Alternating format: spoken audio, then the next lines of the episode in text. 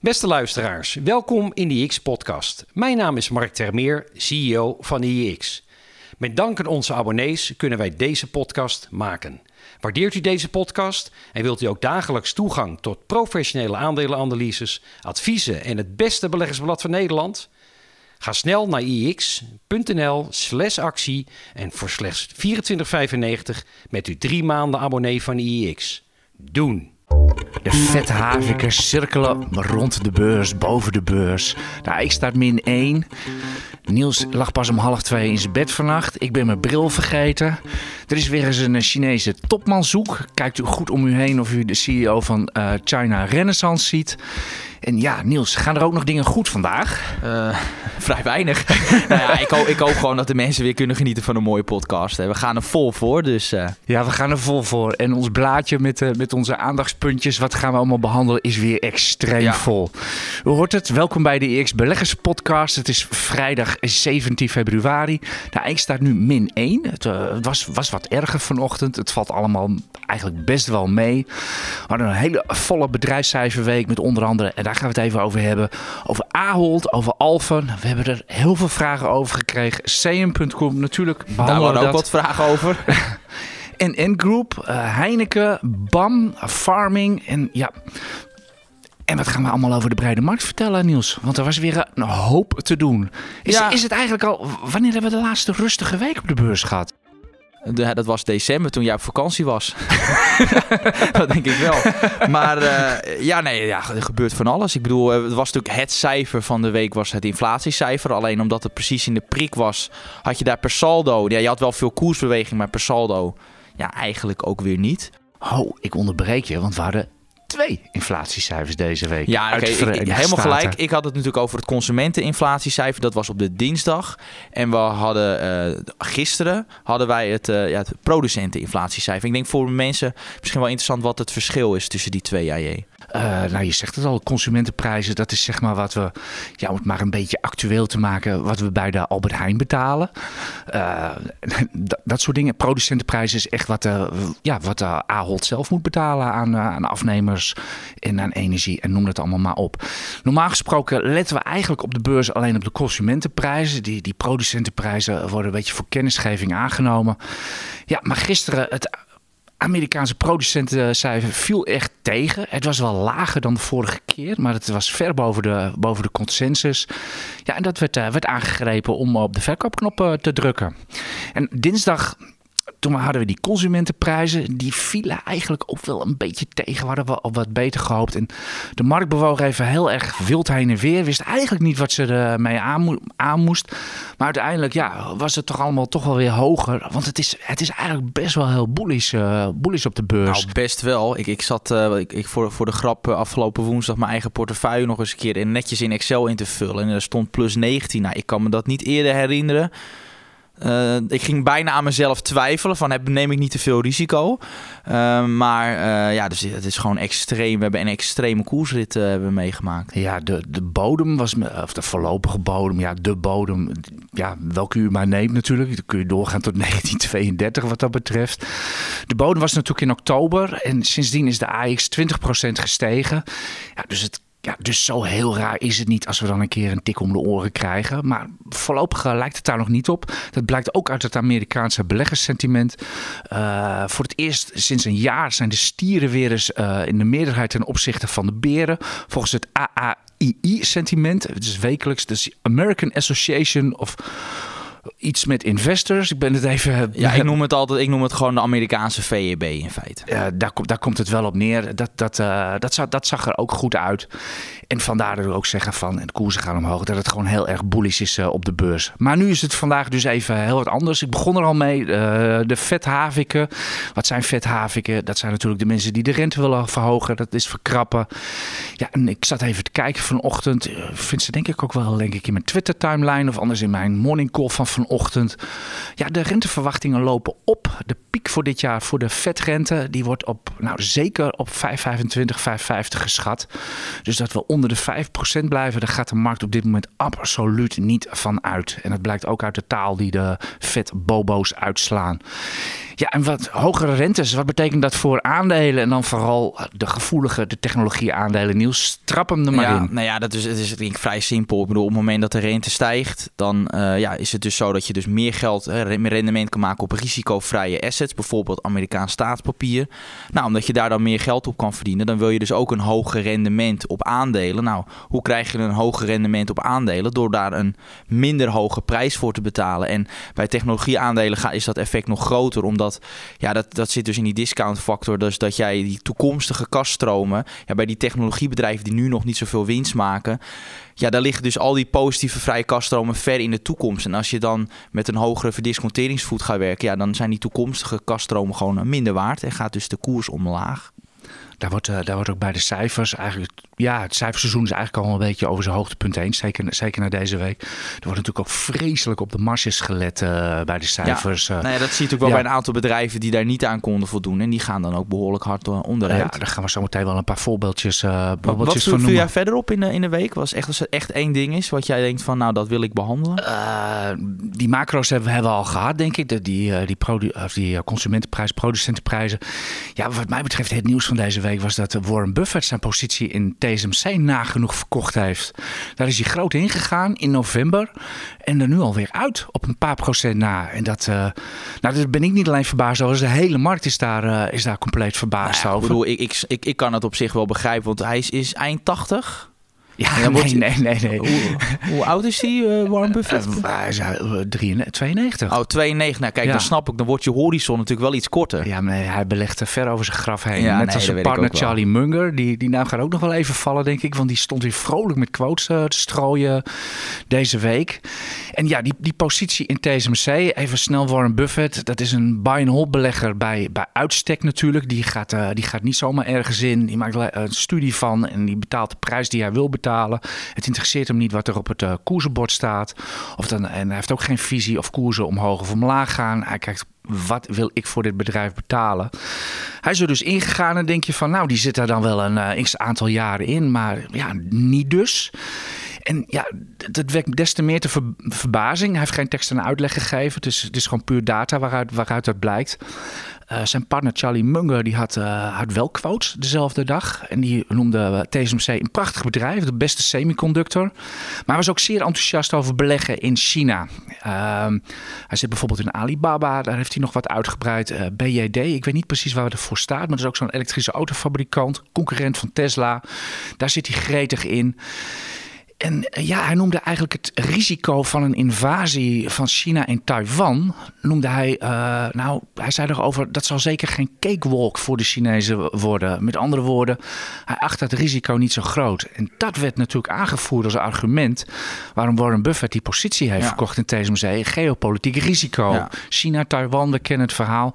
Maar wat is dan wel de reden? Ja, ik, ik, ik denk dat het. Ik, ik kan me niet voorstellen dat dat het is. Want in november speelde het natuurlijk net zo hard. En sindsdien is er, ja, er zijn intussen vliegen er wat ballonnen uh, door de lucht. Uh, waarvan niemand weet van wie ze zijn.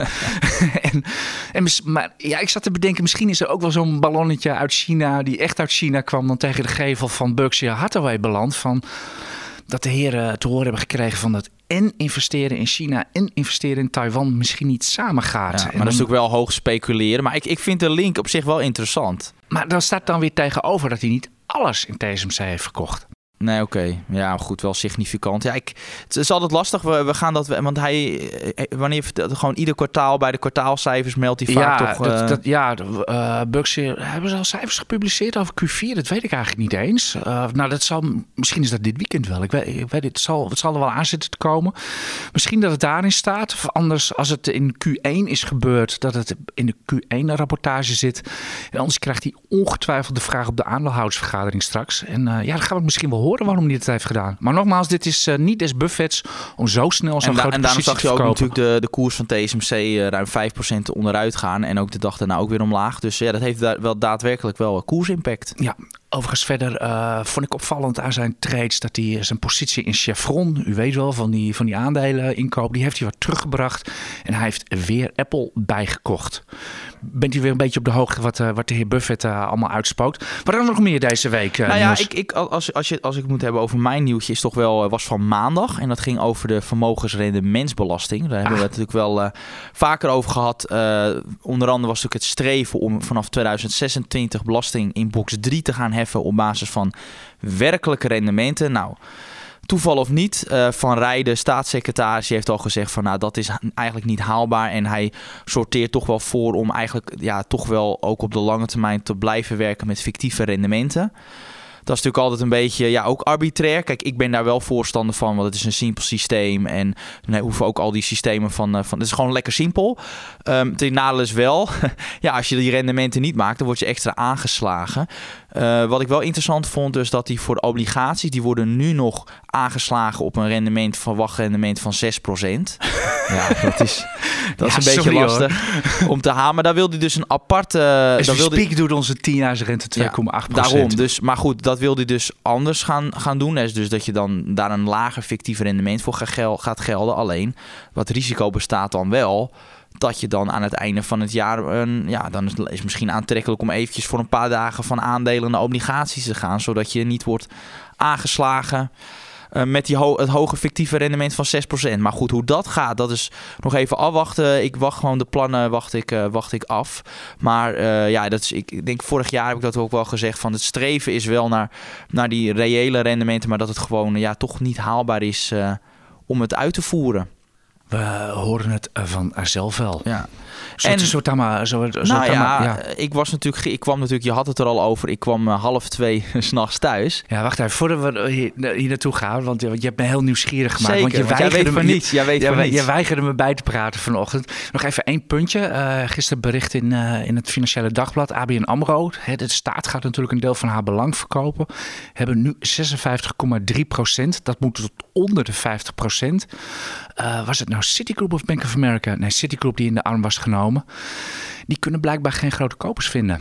Want het gaat via het boek verkocht worden. Ja. Dus, uh, Verkoopdruk. Dus, uh, ja, dus er, zal, uh, er zal verkoopdruk uh, komen. Minimaal 6% van de aandelen gaat dus verkocht worden, 6,3. Hoeveel het uiteindelijk wordt, dat, dat horen we dan wel. Maar het is wel opvallend dat ze blijkbaar niet grote blokverkopen kunnen doen. Dat, er, dat partijen gewoon blijkbaar een dusdanige discount bedingen dat het niet aantrekkelijk is. Ja, en ik denk misschien ook wel dat die Amerikaanse partijen denken... ja, het is toch een beetje een Nederlandse retailbank geworden. Wat, moeten, wat hebben we daar nou in hemelsnaam te zoeken? Ja, met ja, een retailbank ook met zeer hoge kosten. Hè? Ja. En, ja, en ik denk dat Wall Street geen zin heeft om witwasafdelingen te gaan zitten financieren bij banken. Dat zou zomaar kunnen. Planet Finance. Ja, ja ik was erbij. Praat ons even bij, nou, Niels. Het, het, was natuurlijk, uh, we hebben natuurlijk uh, recensie gegeven voor de documentaire serie Planet Finance, wat uh, op de VPRO te zien is. nou ja, we hadden natuurlijk wel onze mening daarover. Maar nu was dus een, het, het event in Pakhuis de Zwijgen, dat zogenaamde Planeet Aarde en Planeet Finance bij elkaar kwamen. Dus uh, planeet Aarde zijn een beetje de mensen die niet beleggen. En dan heb je Planet Finance, nou ja, de mensen die in die financiële sector zitten of daarmee bezig zijn. Dan is aan mijn vraag aan jou, AJ. Wat denk je wat de verdeling was van een aantal van, van de verhouding? Ja, je weet mijn vooroordelen. ik denk dat, uh, ik denk dat uh, Planet Finance een beetje in de minderheid was. Ja. Was je de enige misschien? Nou, daar ging ik wel vanuit. Ik dacht, ik ga er gewoon heen. Ik kan daar relatief anoniem rondlopen. Maar dat verbaasde me. Het was een 50-50. Oké. Ja, ja, dus het, is, het was ook een volle zaal. Dus het was echt, was ook nog best wel druk bezocht ook. Dus ja, en, ja, en ja, ik kon echt niet anoniem lopen. Want we hadden best wel veel fans van de podcast die er ook aanwezig waren. Nou, Daar had ik eerlijk gezegd geen rekening mee gehouden. Dus uh, baal ik dat ik niet heen ben gegaan. Ik, ik hoorde achteraf trouwens ook dat, dat, dat ze bij de productie wisten dat, uh, dat, dat, uh, dat wij zouden komen. Of tenminste dat ik kwam. Ik, heb het waarschijnlijk een keer in de podcast ook gezegd. Maar dus dat wisten, wisten ze. Dus ze wisten ook dat daar waarschijnlijk wel een kritische vraag kon komen. Ja, liep Maarten Mosselman er ook ja, rond? ik heb hem eventjes gesproken. Ja, die werkt ja, dus... wie is Maarten Mosselman? Dat, is, dat is Amsterdam Trader, voor wie al wat langer in dit wereldje rondloopt. Uh, dat was ooit een handelaar, die uh, doet nu... Ik dacht dat hij nu voor Brand New Day werkte. Maar die, die doet ook researchwerk voor, uh, voor de VPRO. Die heeft meegewerkt, meegewerkt aan die serie. En die had ons ook opmerkzaam gemaakt dat dit er was. Dus, ja, en, en wij, dus ik, ik, heb al die afleveringen gezien en uh, ons grootste kritiekpunt was dat het vooral over handelen gingen en de excessen in de financiële wereld. Exact. En dat er niets over uh, belegging ging. Ik bedoel, het woord ETF, dividend, vrije kaststroom. Dat kwam er niet in, naar voren in, in, die, in die serie. Dus ik dacht, nou ja, als ik er toch ben. En ik moest wel lachen. Iemand die voor mij een vraag wilde stellen. Die zei van, hoe wordt dit nou eigenlijk in de financiële sector deze serie ontvangen? En ja, toen was een beetje een ongemakkelijk antwoord. Zeiden ze van best positief. Toen dacht ik, nou, ik vraag me af of ze Niels iedereen... laat ons niet langer in spanning. En toen dacht ik van, nou ja, toen dacht ik, nou, dan sta ik ook maar op. en uh, toen dacht ik van, nou, weet je, ik hoor iemand zeggen van, nou, van, nou, hoe wordt het ontvangen in de financiële sector? Ik denk, nou ja, ik werk toevallig in de financiële sector. En ja, wat, een belangrijkste punt wat ik net al noemde, van waarom hebben jullie ervoor gekozen als programma om volledig te kiezen voor dat eigenlijk alleen maar de excessen te behandelen en alleen maar vooral het handelen en het beleggen volledig, ja, niet niets daarover te, te noemen. Ik en dat is wel, en het is gewoon echt het verre weg. Nou, het gros van dat, het geld er dat, dat, dat zei ik dus ook van het woord als dividend, kaststroom. Dat kwam ik gewoon niet in voor. En wat was denk je het antwoord van de, van de, van de regisseur? Dat weet ik niet. Stel het maar. Het paste. Eh, ja, we moesten zoveel onderwerpen doen. Het paste niet in, uh, in de uitzending. Dat was waar ik het mee moest doen. Oké, ja, nou, oké. Dus, ik zou zeggen, uh, ja, oordeelt u zelf. Ja, dus, uh, maar goed, verder al met al was het was wel echt een uh, best wel interessante bijeenkomst hoor. Met name, er was ook iemand, een, een hedge manager. En ja, dat was wel... Wie? ja, uit Amerika. Een oh. ene John, ja, ik ben zijn achternaam vergeten. Ik ben altijd slecht met namen. Maar dat was wel iemand die... Ja, die had heel niet veel... van Citadel of... Nee, nee, maar die, ja, die had toch wel... Dat was toch wel... ja, ik vond dat wel indrukwekkend om zo'n iemand te horen spreken. Die had toch wel kennis van zaken. Zeker over die catbonds. Daar ging het wel een derde van de uitzending over. Ik denk, nou ja, wat hebben we nou aan catbonds? Het zijn die catastrofen. Nou ja, dat is wat jij, wat jij noemt, die excessen, excessen die er natuurlijk zijn. En hè, ook wat, wat jij al even noemde, oliefutures. Ja, als gemiddeld particulier heb je gewoon niks te zoeken in oliefutures. Laat het gewoon maar zo zeggen. Nee, dat, dat klopt ook. Maar ik, terugkomend, ik had natuurlijk dat kritiekpunt. En ik, toen ik, ik ging zitten en ik geloof dat er een paar mensen rechts van mij... Die, het eerste wat ze zeiden, nou Niels, ik vind je nog vrij mild. dat zeiden ze wel. Nee, Nee, maar op zich al met al, ja, het programma was, was het nou heel interessant. Nou, oh ja, één ding, er kwam bijvoorbeeld ook iemand hadden ze uit Amerika laten komen. Dat was dus een handelaar in GameStop aandelen. Ja, ik dacht echt, nou, dat was echt was vrij pijnlijk, want die stond naast op het podium ook naast die headfund manager. Nou, die kreeg ook geen vraag en die stond daar heel ongemakkelijk, want ja, er staat iemand naast hem met wel heel veel kennis en ja, die jongen die gelooft nog steeds in dat GameStop het aandeel gaat worden. Nou ja, gelooft. Ja, gelooft. Volgens mij heb ik dat in de podcast van vorige week genoemd. Zodra er op de beurs beleggen termen gaan vallen als geloven, denken, verwachten, hopen. Uh, wat, niets van wat er met harde dingen te maken heeft. Als inderdaad wat jij nu zegt. De kaststromen, de EBITDA's, uh, nee, dat, de kwam er niet aan voor. Dan, dan moet je gewoon, dan, dan moet je gewoon, weg, dan moet je gewoon weg, wegwijzen. Dan weet je eigenlijk al dat je aan het gokken en speculeren bent. Maar goed, het allerleukste van de, van de avond ja, was toch de borrel. Daarom lag je natuurlijk ook ja, zo laat. was echt heel gezellig. dus nou. ik, ik oprecht, het was ook heel leuk om, om best wel veel, ik, best wel een aantal luisteraars van de podcast te ontmoeten. En uh, dat is gewoon, uh, is gewoon hartstikke leuk. Ik baal dat ik niet ben gegaan bij deze. We gaan gauw door met, uh, met Ahold. Ja. Want nou ja, je mag nog een keer, ene Jesse Klaver reageerde gisteren op jou, of nee, woensdag op jou op de cijfers van... Ja. Ja, ja kijk, natuurlijk, als ik even af mag maken. Uh, we hebben natuurlijk, denk wel gezien op Twitter. Uh, Jesse Klaver, de fractievoorzitter van GroenLinks. Uh, die twitterde van eerst Shell, toen Unilever en nu Aalt met een dikke winst. En u weet wel ongeveer zijn kwalificaties.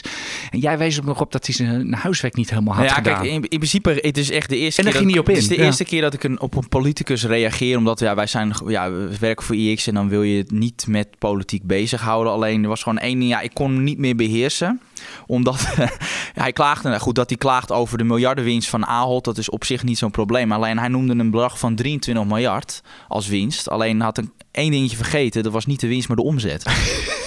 Dus toen dacht ik van ja, dat is, daar kon ik het niet laten om daar wat, uh, ja, om daar een, een, soort eventjes opmerking over te maken van goh, dat ik, ik had gezegd van. Je nou, het heel netjes. ik, zei, ik, ik zei ook van ja, het klopt niet helemaal, want het is de omzet en niet, hè, niet de winst. En maar ik zei waar, waar die wel gelijk, het blijft nog wel een miljardenwinst. Ja, ja, ik had eerlijk gezegd nog wel verwacht in die tweet van jou dat jij er achteraan had gezet van en ik heb ze. Nee, nee, maar kijk, dat, dat, dat, nee, dat is ja, niet echt mijn stijl. Nee, ja, goed, ik moet ja, een beetje beleefd houden. En hij had gerectificeerd, dus dan vind ik het ook Ja, maar dat deed je dus naar aanleiding van jouw tweet. Dus, dus bij deze. Zullen we maar gelijk doorgaan met de cijfers ja, van, uh, nou ja, van Ahold? Ik denk, wat, want, ja, want is die verontwaardiging in Nederland... Hè, uh, Ahold maakt winst over de ruggen van consumenten. Dat, daar kwam het eigenlijk uh, op neer. De kritiek brand maar los. Ja, nou ja, kijk, wat je dus vooral ziet is dat die winst dus uh, vooral uit Amerika kwam. Dus in, uh, in Europa was de winst zelfs met 13% gedaald. Dus je ziet dan wel degelijk ja, dat, krappe mars, ja, dat die marges in, in Europa onder druk, uh, onder druk staan. Hè. Dus in Europa 13% winst omlaag. Dus het komt uit de VS. Wat ik het meest interessante vind, en dat is misschien ook wel leuk voor de podcast, is hoe ver, want dat hebben we al vaker gezegd, dat het management veel te conservatief is. Nou, dat bleek nu ook wel weer, want de winst per aandeel was in 2022 met 16% gestegen. En dan kun je denken, wat denk je wat ze een jaar geleden verwachten voor 2022 AJ? Kun je dat nog herinneren? Nee, dat, dat, weet ik niet. Maar ik weet wel van jou dat inderdaad die, die cijfers, dat ze, dat ze altijd nou, laag dat zitten. was het dus. Dat ze gingen eigenlijk uit van een krimp van ongeveer 5%. Nou, het werd dus een groei van 16%. Nou, dan zou je dus denken, nou dat kan eenmalig. Maar twee jaar geleden gebeurde precies hetzelfde. Want toen gaven ze in feite aan dat toen in, bij, in 2021 dat de winst ten opzichte van het coronajaar 2019 met slechts 5 tot 10% zou groeien. En dat werd toen 30. Procent. Dus is al twee keer hoe ver dat al afwijkt uh, van de verwachting. En dat zie je nu dus. Is dat weer... gewoon de stijl van CEO uh, Frans Muller? Want Ja. onder de vorige Dick de Boer was dat niet zo. Nee, maar dit is dus, dus Muller is dat, dat zie je heel duidelijk. En nu zie je dus weer, dan ga ik natuurlijk kijken wat is hun ramingen voor 2023. En dan zie je, zeggen ze nu weer, ja nee, de winst die blijft nu gelijk. Nou, dan denk ik, ik denk dat die prijs. Kijk, vergeet niet dat de kosten. eh, Je ziet het met de energiekosten, al die grondstoffen. Het gaat allemaal omlaag. Ja, maar de personeelskosten gaan omhoog. Die gaan wel omhoog. Maar dan zie je wel zo'n supermarkt. Die gaat het natuurlijk op een gegeven moment. Zullen die prijzen misschien ook wel stabiliseren. Of wat lager gaan. Maar daar zullen ze nog wel even mee wachten. Dus ik denk dat daar. Ja, daar moet gewoon een, een, een verrassing in kunnen zitten. Dus, dus ja, ik Ja, vind kunnen ze ook- heel makkelijk mee spelen. Hè? Daarom. Als ze, als ze een dag later al gaan verhogen in plaats van een dag eerder, dat maakt al een heel verschil. Daarom, dus, dus Ja. ik, ik, ik zie daar ook gewoon weer ruimte om voor een enorme verbetering. Dus ik, ik, ik kan, het, ze moet heel raar lopen, willen, willen ze geen winstgroei be- bewerkstelligen. Al met al, ja, kijk, Aalt, ik zit er ook al jaren in. En wat ik al zeg, weet je, al, stel al zou het bedrijf niet groeien. Je pakt 3,5% dividendrendement, ze kopen ook ongeveer nog 3,5% van de totaal uitstaande aandelen in. Ja, dan levert dat toch al een return van 7% op. Ja, en voor een bedrijf met niet echt een heel hoog risicoprofiel. Ja, dat zijn wel mijn favoriete beleggingen. Ja, ik zit daar dus al jaren in. Dat, is, En, de- eh, ja, dat is eigenlijk wel heel erg leuk dat je dat zegt, eh Niels. Misschien kunnen we dit nog wel even doen voordat we, Ja. voordat we, voordat we naar de vragen gaan. Eh, over twee weken bestaat de AX 40 jaar. Ik keek van de week eens even terug. Dat, dat artikel kunt u gewoon op, eh, op IX vinden in mijn archiefje. Dan doe ik ook even een raadspelletje voor jou. Welke zes aandelen? Er zijn zes aandelen die zitten er van meet af aan in. Die er nu nog, die er toen in zaten en die er nu nog in zaten. De eerste AX bestond uit 13 aandelen. Tot en met 1990 breidde dat uit tot, eh, tot 25 die er nu in zitten. Wat denk jij dat de natuurlijk wel, oeraandelen het is zijn? natuurlijk wel voor mijn tijd. Nou, ik denk. Shell sowieso. Ja, Unilever. ja, Ahold dan. ja. Daarna, eh, oeh. Nou, ik vul het in het verband met de tijd maar even in. Dat zijn, eh, dat zijn Philips en Axo. Oh ja, ja. En daar hebben we het mee gehad. ja dat Dat, zijn, dat zijn, allemaal. En dan ga je even naar wat dat voor aandelen zijn. Er zijn dus een supermarkt, er is een verffabriek, er is een olieboer. Philips ben ik vergeten. Er is een stekkerboer, laten we het zo maar even heel lomp noemen. Eh, er is een olie- of, of eten- en drinkenconcern. En volgens mij heb ik, ze, heb ik ze dan allemaal gehad. Eigenlijk hele simpele, domme, eenvoudige business. Maar wel business die er vroeger was, die er nu is. En die er over 100 jaar ook nog zou zijn. En, dat is, en uiteindelijk hebben die aandelen, die hebben allemaal gemiddeld meer dan 10% gemaakt. Philips is de enige uitzondering. Gewoon ieder gewoon per saldo Ja. 10% of meer per jaar. Unilever is de beste. Ja, en dat zijn dan vaak ook nog de wat meer laag risico aandelen. En want het wordt vaak in de beleggingswereld gezegd dat jij de meest risico... Dat ze denken, eh, risico en rendement gaan hand in hand. Nou, dat klopt wel. Hè. Als je kiest voor bijvoorbeeld... Als je het verschil ziet tussen obligaties en aandelen, daar zie je dat wel. Hè. Aandelen meer risico, dus hogere rendementen. Maar onderliggend hoeft het helemaal niet zo te zijn. Je ziet vaak dat die aandelen met de hoogste koers-winstverhoudingen, die het dus van hun verhaal moeten hebben, ja, dat die gewoon lagere rendementen laten zien dan die hele saaie bedrijven. Alleen er zitten nou soms een paar jaren tussen dat die risicovolle aandelen keihard omhoog gaan. Dat zien we nu ook in de eerste twee maanden van dit jaar. Ja, de mensen, en daarom zei ik in het begin van, nou, ik twijfel bijna aan mezelf met die 19% Hè, van loop ik te veel risico? Want je ziet vooral eh, dat die eh, ja, zogenaamde junk aandelen heel hard omhoog zijn gegaan. Nou ja, dat zijn de. In, ja, in de loop van de tijd hebben. Eh, tientallen aandelen, misschien wel honderd, hebben in de AX gezeten. Dat waren heel vaak hele mooie aandelen met hele mooie verhalen. Uh, KPN West, Versatel, UPC, uh, we hebben Getronics nog gehad. En BAM heeft ook ooit in de AX gezeten. Dat kan ik me gewoon niet voorstellen dat BAM daar ooit in heeft. Bos, Westane, KLM, uh, nou, noem, noem alles maar op. Ja, dat kwam en dat ging en dat had uiteindelijk altijd mooie verhalen. Maar het was, was, was geen blijver. Ik ben er nog één vergeten en dat is natuurlijk Heineken. Oh ja. en, die zit, en dat is een bierbrouwer. Daar is ook weinig, weinig fantasie En dat is de duurste van allemaal. Maar dit is het enige aandeel wat nooit een akkefietje heeft gehad. We weten natuurlijk Ahold, we noemen het nu wel. Maar het ging even van 2000 tot 2003 90% omlaag. Maar in tegenstelling tot die technologieaandelen, waar dan helemaal uh, waar alles stilvalt, bleven de winkels natuurlijk gewoon doordraaien van Ahold. En, en dat zat, heeft ze gered. Zat, want zat hem natuurlijk meestal is boekhoudvrij leidt dat 9 van de 10 keer tot faillissement. Exact. Alleen bij Ahold heeft het overleefd. En uh, over Heineken gaan we zo meteen nog wel even verder. Doen we eerst nog even... Uh, nee, ja, we doen de luistervragen. Doen we de luistervragen, ja. gaan we daarna door met al die aandelen.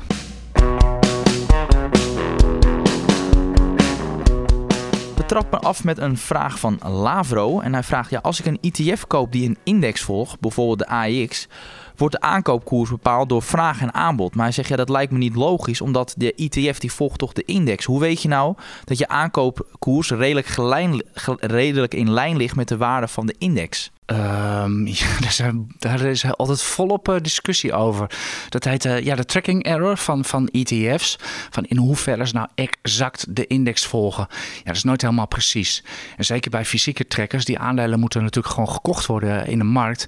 Ja, er zitten altijd uh, verschillen tussen. En het hangt helemaal van af van ja, wie het uitvoert voor de, voor, de, voor de uitgevende instelling. Wie dat koopt en hoe ze dat misschien ook wel weer hedgen, et cetera. Daar, daar heb ik eerlijk gezegd ja, geen idee van. Maar het heb je natuurlijk wel dat je daarvoor ook dat je die markt marketmakers hebt. Die daar, dus, dus ik denk dat het wel allemaal wel. Dat die, uh, je ziet wel dat het, dat hij het redelijk goed volgt hoor. Dus ik zou me daarover weinig ja, zorgen maar ik maken. Heb, ik heb prachtige discussies gezien uh, tussen ETF-uitgevers. die elkaar natuurlijk de tent uitvechten. wie, wie dat het beste doet. Dus uh, okay. ook dat is een eeuwig discussiepunt. Vraag nummer twee van Paula. Uh, ze zegt van, nou, ik heb gehoord op tv om, dat je, ja, om te beleggen in defensieaandelen. En er werd dan gezegd van, je zou dan de defensieindustrie helpen om wapens te maken voor Oekraïne. Maar, maar ze zegt, dat is wel een goede opmerking, maar als ik een aandeel koop, dan koop ik dat aandeel toch van iemand anders. Het aandeel wordt duurder omdat er meer vraag is, maar het bedrijf gaat, krijgt dan toch niet meer geld in kas daardoor. Uh, nee, niet in kas. Zeker nee. niet. Maar desalniettemin kan je het bedrijf toch wel helpen. Ondanks dat het misschien niet direct is. Maar op het moment dat zo'n bedrijf bijvoorbeeld extra wil investeren. En dan bijvoorbeeld extra aandelen uitgeeft. Ja, dan eh, help je daar wel bij als belegger. Ja, zeker natuurlijk als je, op een, als je voor een hogere prijs gaat kopen. Hè, dan wordt het bedrijf eh, meer waard. Ja, en kan, hij krijgt daardoor meer aanslag. En kan ook overnames gaan doen. Ja, en, en dat, dat is vaak ook de belangrijkste reden waarom bedrijven er vaak voor kiezen om beursgenoteerd te zijn. Uh, omdat je daardoor makkelijker je groei kan financieren. Dus met de uitgifte van, uh, van eigen aandelen. Want dat is, uh, ja, het is liquider. Oké, nu een vraag van T. de Groot. Hij zegt, ja, ik wil wel eens weten waarom IEX beursgenoteerd is en dat, waarom we dat nooit behandelen in de podcast. Ja, krijg, ik denk, ik zal hem maar eens meenemen, want we krijgen daar zoveel vragen over iedere keer. Ik wil echt duidelijk benadrukken, IEX, dat noemen we ze niet als aandeel omdat wij niet onafhankelijk zijn, omdat, ja, het is onze werkgever. En twee, ja, de, beurs, de beursnotering, ja, daar heb je natuurlijk allerlei redenen voor, onder andere dus wat ik net ook zei, uh, ja, je, je meer bekendheid speelt mee en ook, uh, ja, je kan makkelijker uh, aan, aan kapitaal komen. Ja, het is ik weet niet eens of het wettelijk zo is, maar het is een zeer goed gebruik op de beurs dat je niet over eigen bedrijf of aandeel praat. Punt. Dus dat zullen wij echt nooit doen. Nee.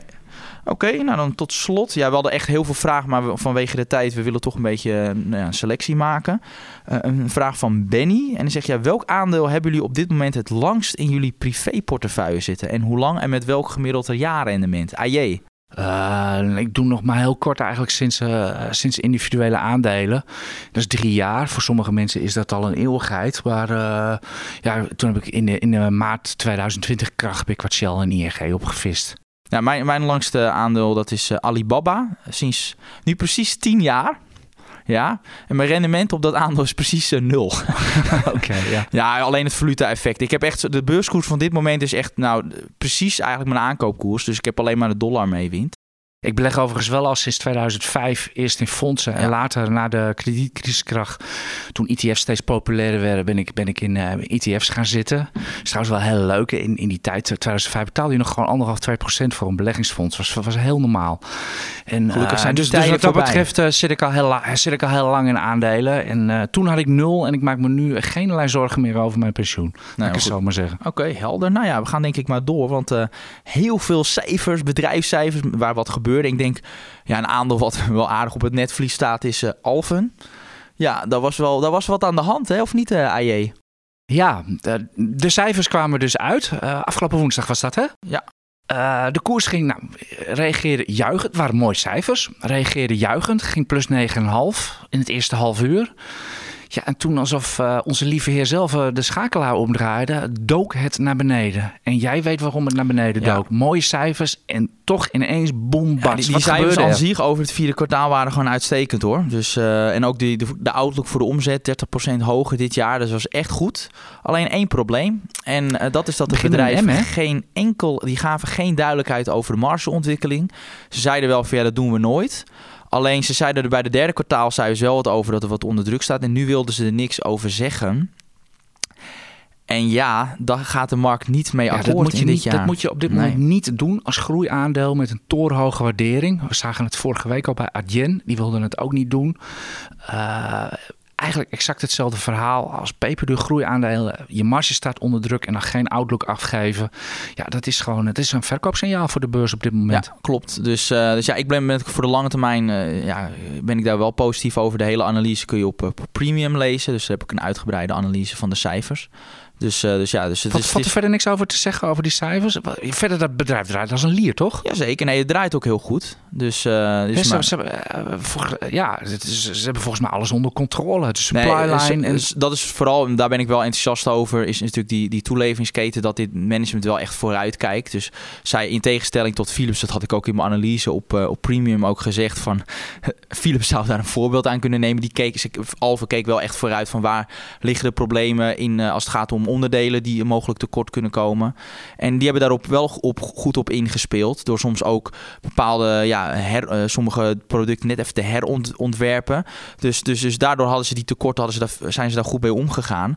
Ik had ook wel wat kritiekpunten natuurlijk. En dat heb ik al een keer in de, eerder, in de podcast natuurlijk als het Ja, gaat geen over... bedrijf is perfect, hè? Nee, maar, eh, maar ik denk de hele analyse op, eh, op Premium. Ik zag het, wel, ja, dat, ja, er gebeurde wel wat. Dus ik je kon dat dan ook aan de leescijfers of, zien. En dan, Daar word je als analist toch blij van dat je het niet voor niets schrijft. Ja, nee, het is, het is een aandeel wat in ieder geval eh, op onze aanhang... We, we noemen dat dan altijd typisch een IEX-aandeel. Een klein aandeel waar wel veel aandacht voor is. Waar veel mensen in zitten.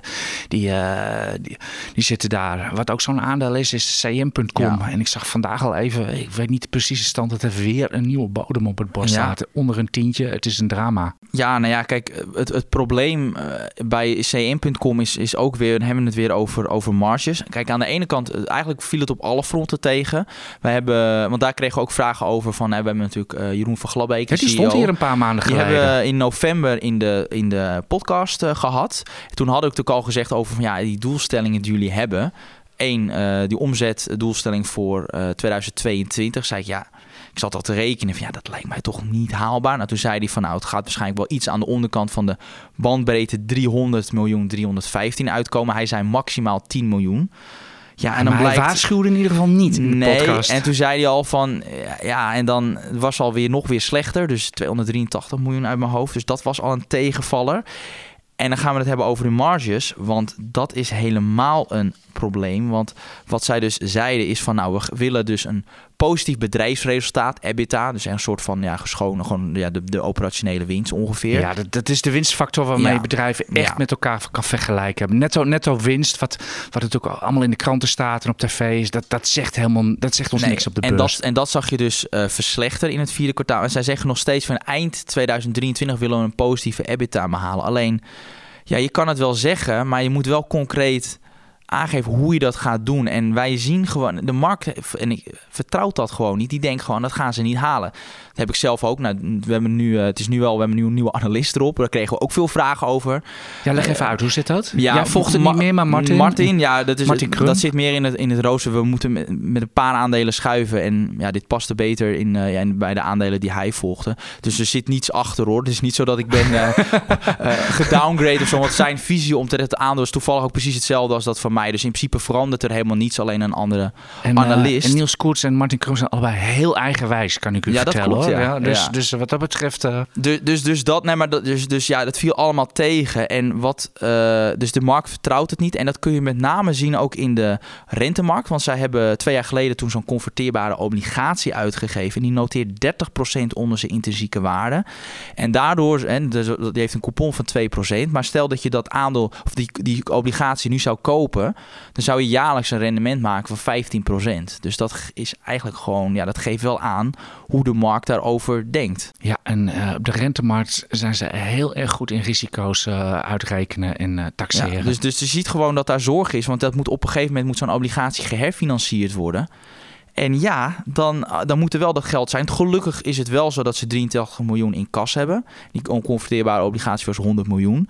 Dus dat is op zich wel positief. Maar ze moeten een positieve kasstroom bewerkstelligen. Want anders dan kom je, ja, krijg je daar toch problemen mee. Want anders ga je uiteindelijk moet je dat in aandelen. En dan krijg je een verwatering van het aandelenkapitaal. Ja, dus Jan zijn heel veel die, Ja, Jan Jeroen. van die... Oh, Jeroen. sorry, ja. Jeroen. Sorry, Jeroen. Ze luistert, luistert mee. ja, dat dus, weet uh, ik, ja.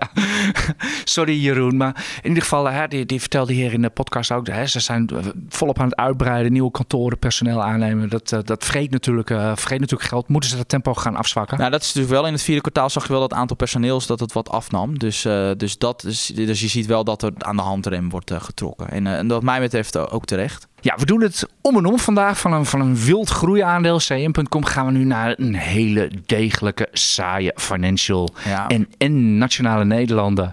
Nou, bij de saaie aandelen moet je natuurlijk bij mij wezen. Ja, 9% aandeelhoudersreturn, denk ik. Volgende onderwerp, Niels. Nou, dat is wel iets te kort door de bocht. Kijk, natuurlijk, dat, ik, daar ben ik wel enthousiast over. Ik bedoel, ja, ze kopen 2% van het aantal, eigen aandelen in. Je krijgt 7% dividend. Ja, Vandaar dat het, mijn 9%. Daar word ik blij van. Het is wel zo. Uh, ik vond het operationeel resultaat, dat viel wel echt tegen. Dus, uh, dus dat was wel met name lagere rendement op die verzekeringsactiviteiten. Dat vond ik wel echt een minpunt in de cijfers. hoe kan dat? Um, ja, dat vond ik een beetje lastig te lezen. Dat is, eigenlijk, dat is toch eigenlijk dat is hun core business. Ik bedoel, verder hebben ze wat bijzondere resultaten, et cetera, et cetera.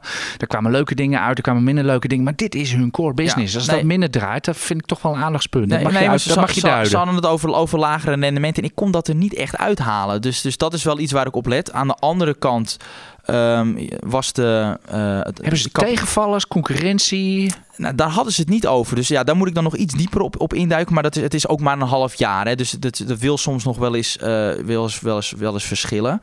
Wat wel positief was, was de, de solvabiliteitsratio. Die was wel iets minder hard gedaald dan verwacht. Wel onder de 200%. Daardoor kunnen ze niet een extra aandelen-inkoopprogramma doen. Dus ze doen 250 miljoen. Maar ja, als dat boven de 200% ligt, die solvabiliteit, dan kan dat. Dus kunnen ze meer doen. Maar inderdaad, ja, um, de groei valt sowieso terug. Komt door, door de verkoop van die vermogensbeheertak. en, en investment partners aan Goldman Sachs. Maar inderdaad, het viel mij ook op uh, dat die, uh, ja, toch die rendementen van die verzekeringsactiviteiten waren minder. En ik vond niet dat daar, ja, daar, hadden ze, daar waren ze niet heel duidelijk over. Dus um, ja, wie weet moet ik gewoon nog even een keer bellen met, uh, met NN. Om daar misschien even wat dieper op in te gaan. Nou, misschien moet je dat maar eens even gaan doen, ja. Voor na het cijferseizoen, want het was echt ongelooflijk druk hoor. Ja, ja nee, dat, dat weten we. Wat er verder nog, ja, verder is, kunnen we NN toch gewoon afvinken. Dat is, dat is, dat is een typisch buy and hold aandeel. En daar hoef je verder niet zo heel moeilijk over te doen. Is trouwens ook een van de oer 13 AX aandelen. Schiet mij ineens te binnen. NN. Ja, maar volgens werden natuurlijk fuseerde het natuurlijk met ING. En toen kwam de kredietcrisis en toen was er een olifant met een hele lange snuit. En, uh, ja, dat is pas, wanneer is het naar de beurs Ja, 2014 pas weer ja, zo. Ja, toen moest het door Brussel, was het verplicht weer opknippen, die, uh, die bank en verzekeraar. Want ja, ook hè, rond de eeuwwisseling was ineens bankieren en verzekeren was ineens heel sexy. We weten het allemaal nog. Uh, dus dat was helemaal de bom. En ja, daar zijn we dus ook wel weer van teruggekomen.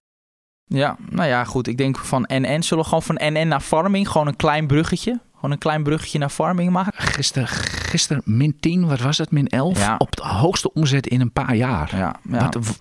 We zaten toch op de FDA te wachten en nu is de EMA er. Waar komen die vandaan, Niels? Ja, nou ja, kijk, dit, is nog niet afgekeurd. Hè. Laat dat wel helder zijn. Alleen, Ja, ja, even, even eerst even de feiten. Eh, nou, de EMA die zegt gewoon dat ze langer nodig hebben voor die aanvraag voor die vergunning. Ze hadden aanvullende vragen van dat gesteld. medicijn met die moeilijke naam. Ja, leniolisib. Ja, daarom Jeetje, schrijf je het ook op. het strak uit. Ja, dus, dus, dat, dus, dus dat middel, kijk, dat, dat, dat, als dat uiteindelijk wordt goedgekeurd, ja, dan, dan is farming natuurlijk een heel, ja, dan weet je dat die koers hard omhoog gaat. Alleen het feit dat ze aanvullende vragen hebben gesteld, ja, Ja, dat is viel wel heel slecht. Dat viel heel slecht. De, het, het is wel zo, dat het gaat om de Europese toezichthouder. Dat geldt nog niet voor de Amerikaanse toezichthouder. Dat lijkt er wel op dat zij op 29 maart eh, uitsluitsel zullen geven. Alleen ja, ik kan me niet voorstellen dat de FDA oogkleppen op heeft. Dus ja, dat kan misschien ook nog wel wat betekenen voor de FDA. Misschien hebben die ook dus nog wat aanvullende informatie nodig. Dus, en vooral de communicatie, dat was allemaal, het hield allemaal niet over. En ja, dan zie je gewoon dat partijen toch het zeker voor de onzekere nemen. We hebben natuurlijk, en ik denk Jij zegt zo... partijen, dan denkt iedereen natuurlijk meteen aan die grootbanken die erin zitten. Nou ja, ik bedoel, als jij, als jij, eh, als jij grote aandeelhouder bent, ja, je zou daar toch wel. Ja, het is, het is gewoon een hoog risico. En vergeet niet dat die farming, Galapagos, maar ook op Belgische biotech. Biotech in de Benelux heeft een heel slecht imago. Eigenlijk niets, ja, er is bijna niets echt succesvol gebleken uiteindelijk. Dus ja, je moet hier gewoon eh, heel voorzichtig mee zijn. Want ook farming heeft natuurlijk geen geweldig lange termijn track record. Eigenlijk met emissie op emissie. Pas de laatste paar jaar hoefde dat niet meer. Omdat ze Ruconest eh, Ja, hebben. Ja, het is dus nu eigenlijk formeel is het natuurlijk eh, gewoon een biofarmaceut. Geen, geen biotech meer. Een biotech is echt een upstart. Ja, inderdaad, de laatste jaren wordt er gewoon geld verdiend. Hebben ze, hebben ze omzet. Er zit er wel weinig fantasie. Ja, dit zou het dan Dit moeten is het worden. fantasie wat ja, maar in- als u echt een grafiek erbij pakt en die, eh, die 20, 25 jaar terugtrekt, dan gaat u heel erg schrikken. Ja, En, maar eh, hierdoor zie je ook dat farming is als een van de weinige aandelen die dit jaar ook lager staat. En je ziet, het is gewoon een, het is gewoon hoog risico. En eh, ja, je kunt niet zeggen, ah, dat gaat wel goed komen. We kunnen die inschatting niet maken. Dus daarom alsjeblieft, luisteraar, pas hiermee op. Dat geldt eigenlijk ook wel voor. eh, we gaan gewoon in één ruk door, eh, Niels, Ja. vandaag. Eh, we gaan in één ruk door. Wat ik zelf ook, en jij denk ik ook wel, bam. En Ja. vandaag, vandaag Heijmans met cijfers. Daar heb ik niet naar gekeken. dat is ook gewoon hoog risico. Bam maakt natuurlijk echt natuurlijk prima rapportage. Gaan ook weer dividend betalen. Doen nu iets van, van 5% dividend. ook, ook 5% dividendrendement meteen. Eh, het, ziet er nu allemaal, eh, het ziet er nu allemaal heel mooi uit. Rooskleurig. Het is goed, is goed schoonmaak gehouden daar bij BAM. En het betaalt zich nu uit. Wat dat betreft is Heijmans al wat langer bezig. Tom, Ja. Ton Hille, die zit er al een aan. Ja, die, eigenlijk was Heijmans precies hetzelfde verhaal als BAM. Eén drama. Ton Hille heeft daar goed opruiming Ja, gehouden. dus die zijn natuurlijk naar die Ja. betere projecten als het gaat om puur de huizenmarkt zijn ze natuurlijk naartoe gegaan. En niet Ja, die en- grote infrastructuur. Nee, al die prestigieuze projecten. En dan, ja, er was er één tegenvaller. En dan was altijd meteen de winst weer weg. Ja. Ja. ik denk dat bij zo'n hoogrisicovolle aandelen. Ja, ik ben natuurlijk, ik loop er wat langer mee. Ik heb het allemaal fout zien gaan in de loop van de jaren bij die bank, bij die bouwers. En dan denk ik, ja, nu is het allemaal heel mooi en, en keurig. En klopt het eigenlijk? Er zijn er eigenlijk geen tegenvallers. Ja, dan dat kun je is- me eigenlijk nee, mijn maar dat- vraag of Ja. mijn verhaal al een beetje invullen. Nou, maar dat Moeten is dat natuurlijk niet, eh, hoe het nu is bij BAM. Want eh, nu is het natuurlijk mooi. Alleen, hoe gaat, ontwikkelt die huizenmarkt zich? We zien natuurlijk de prijzen dalen. Het lijkt een beetje op slot te gaan. Wat we dat nog is meer een- zien daar op de huizenmarkt zijn het bouwvergunningen Ja. die worden afgegeven. Nou, daarom. De En dat- Telegraaf bericht dat vandaag. Juist, dus daar heeft BAM last van. En twee, en dat mogen we niet vergeten, we hebben afgelopen jaar ook een, nog een inval gehad van de Fiat vanwege mogelijke onregelmatigheden bij BAM International. We weten niet wat daar de potentiële claims of eh, wat dan ook gaan, gaan worden. Dus dat zijn allemaal risico's die er wel in dat aandeel zitten. Dus ja, je krijgt nu wel 5% dividend. Maar ja, dat zijn wel, daar moet je wel rekening mee houden. Wij weten dat niet. En eh, daarom zijn wij hier ook voorzichtig mee. Dat is denk ik een duidelijke dag. Eh, Dat geldt niet voor, dat geldt niet voor Heijmans. Die hebben geen inval gehad. Eh, dat, daar is dat risico wat minder. eh. ik denk dat we, wij hebben voorkeur bij, of jullie bij de desk hebben voorkeur voor een van die twee. Daarvoor moet je denk ik de stukken maar bij ons op de site gaan lezen. We hebben nog één op de agenda staan. Hè? ja, Heineken. ja, Eigenlijk best wel saai. Ja, Kijk, ehm, daar kun je vrij kort over zijn. Eigenlijk waren het keurige resultaten hoor. En dat, dat is het probleem ook helemaal niet bij Heineken. Eh, ze zijn best wel aardig in, in, eh, in staat om die hogere prijzen, die hoge inflatie door te breken aan de klant. Ehm, alleen, en daar zit ik gewoon mee, eh, de waardering. En, en door die hoge waardering ja, krijg je ook niet zoveel dividend. Het dividend gaat weliswaar met 40% ja maar omhoog. het is nog maar 2% of zo, toch? Juist nog steeds ja, 1,9. Maar dat is, ja, dat is, dus- dat is zo jammer. Want Heineken zou, ja, is een hoeksteen in iedere portefeuille. Maar ja, is dat het ook voor deze, voor deze prijs? Dat is, uh, dat, is, dat is natuurlijk het ding. Daar hik ik altijd een beetje tegenaan. Ik zat er van de week aan te denken. Ik, ik noemde al even dat verhaal wat ik heb geschreven over die oeraandelen. Heineken is dat ook. In al die 40 jaar AX is Heineken de enige geweest die nooit een affaire heeft gehad. Want ook bij Shell, we hebben een voorraadaffaire gehad. En nou, noem alle duurzaamheidsdrama's en alles wat eromheen maar, maar op. Bij Unilever hebben ook akkefietjes gehad in, in het verleden. Aal, al helemaal natuurlijk. Uh, bij Axo Nobel uh, heeft ook nog wel eens het een en ander uh, gespeeld. En zo kunnen we wel doorgaan. Heineken niet. Philips al helemaal ja, natuurlijk. Daar, daar, hebben we het maar niet over. Daar hebben we het helemaal nee. niet. Dus eigenlijk is, het, eigenlijk is het core business dat het bij Philips weer helemaal fout gaat. Eens in de tien jaar gaat het ja, eens, in, eens per generatie gaat het daar gewoon volledig los daar bij, bij Philips. Er is eigenlijk maar één aandeel waar nooit gedonder is. En dat is gewoon Heineken. En ja, je noemde dat al even, ja, een beetje matig dividend. En een aandeel is echt altijd duur. En ja, dat levert per saldo, ik dacht uit mijn hoofd toch 12% per jaar uh, ja, maar de afgelopen, de koersstijging Ja, maar de afgelopen zeven jaar is het doodgeld geweest. Uh, dat, is, dat is ja, maar zo. ook met dividend en, nee, dan en aandelen okay. inkoop. Nou, die nee, moet, dividend, ik vind als belegging moet je dat ja, altijd nemen. Mag ja, niet alleen naar de koers. Nee, maar goed, dan heb, je twee, dan heb je 2% per jaar. Dus de afgelopen zeven jaar. Ja, maar goed. Dat is ook wel een beetje scoreboardjournalistiek. Want inderdaad, de afgelopen 15 jaar is het op zich wel goed gegaan. Alleen, ja, hou er ook rekening mee met dit soort aandelen. Dat het qua koers gewoon zeven jaar gewoon stabiel ja, kan maar, blijven. maar mijn vraag aan jou is, of eigenlijk de gedachte is... kan het zijn dat er, dat er een soort van ja, uh, goed gedrag uh, premie in het aandeel zit? Ja, Nee, dus kijk, je hebt dus een echt een laag risico en daardoor dus ook een lager rendement.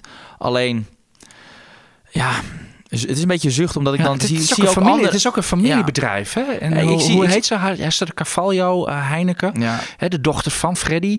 Die, Nee, maar dit, eh, het is gewoon een heel goed die bedrijf. heeft, daar, die heeft daar echt de wind onder hoor. Ze heeft, ze heeft een paar jaar geleden voor het eerst ooit ongeveer een, in, eh, een interview gegeven. En iedereen dacht op de beurs, die vrouw staat aan de zijlijn. Maar die zit er bovenop. En oh, als je, als je daar... Al- alleen, kijk, ik snap dat wel, hè, dat punt. Het is een goed bedrijf. Alleen dan als je dan moet afvragen, ja, bij, bij eh, dan heb je 7% aandeelhouders return. Als je dan hebt dividend, eh, aandelen inkopen en dividend. En bij Heineken, die kopen geen aandelen. Het is maar 2%. Ja, natuurlijk gro- investeren ze die wel dan in groeideels. Maar ja, dan denk ik van, ja, dan... dan ja, maar waarom moet je dan maar weer hopen dat de boekhouding klopt? ja, maar denk goed, dat dan geldt voor ieder. Ja, maar dat zegt in principe wat in 2000 he- heeft gebeurd. Dat zegt in principe niets over de toekomst. Want dat management wat er toen zat, dat zit er niet Uit- meer. uiteraard. Dat kan ook bij Heine. Dus bij ieder bedrijf is dat risico. Ja, dat, is, eh, ja, dat was eh, om nog even terug te komen op Charlie Munger en die, die Chinese aandelen waar, waar hij dus enthousiast over is. Ik zei al even, er is een, er is een Chinese topman eh, op dit moment zoeken eh, eh, van Renaissance, die, die is verdwenen. Maar er gebeuren wel vaker gekke dingen daar in China. Zoals een paar jaar geleden waren de gebroeders Wang en Wang, waar er nog een heel leuk artikel over staan, die waren met de kas van een bedrijf vandoor. Gewoon ja, dan zit je in een, in een beursgenoteerd bedrijf en de kas is ineens weg. Er was een paar jaar geleden ook een bedrijf dat kon de kwartaalcijfers niet eh, rapporteren. Want het bestelbusje was gestolen waar ze in zaten. Dus dat zijn dingen die je dan ook nog kunt tegenkomen op die Chinese beurs. Om maar te zwijgen van een aandeel wat, wat, wat een paar maanden lang ieder, iedere dag op opening 10% omhoog ging. Iedere dag weer. Dat was een hele mooie trapgrafiek. Daarna ging het ook dicht, want 10% was de, was de lock-up op de Chinese beurs. En toen na een paar weken ging het niet meer 10% omhoog. Wat denk je dat er toen gebeurde met het aandeel? Ja, min 90 vaak. ja, zo werkt dat dan, hè? ja, het is niet meer genoteerd op dit moment. Dus eh, wat dat betreft, eh, Charlie Munger is enthousiast over de Chinese beurs. Eh, telt u uw eigen knopen. We zijn aan het einde van deze, van deze podcast gekomen. We hebben geen kiek op de grafiek deze week, want Wouter Slot, onze collega, die heeft privéomstandigheden, familieomstandigheden. We wensen hem daar veel sterkte mee. En we wensen u heel veel sterkte op de beurs. Er is vanmiddag nog een optie-expiratie. En volgende week zijn er veel cijfers op de beurs? Of Nou, van- ik denk dat we wel over het hoogtepunt ja, we zijn in ieder geval qua indexgewicht zijn we wel over de hoogtepunten heen. We wensen u heel veel succes en tot volgende week.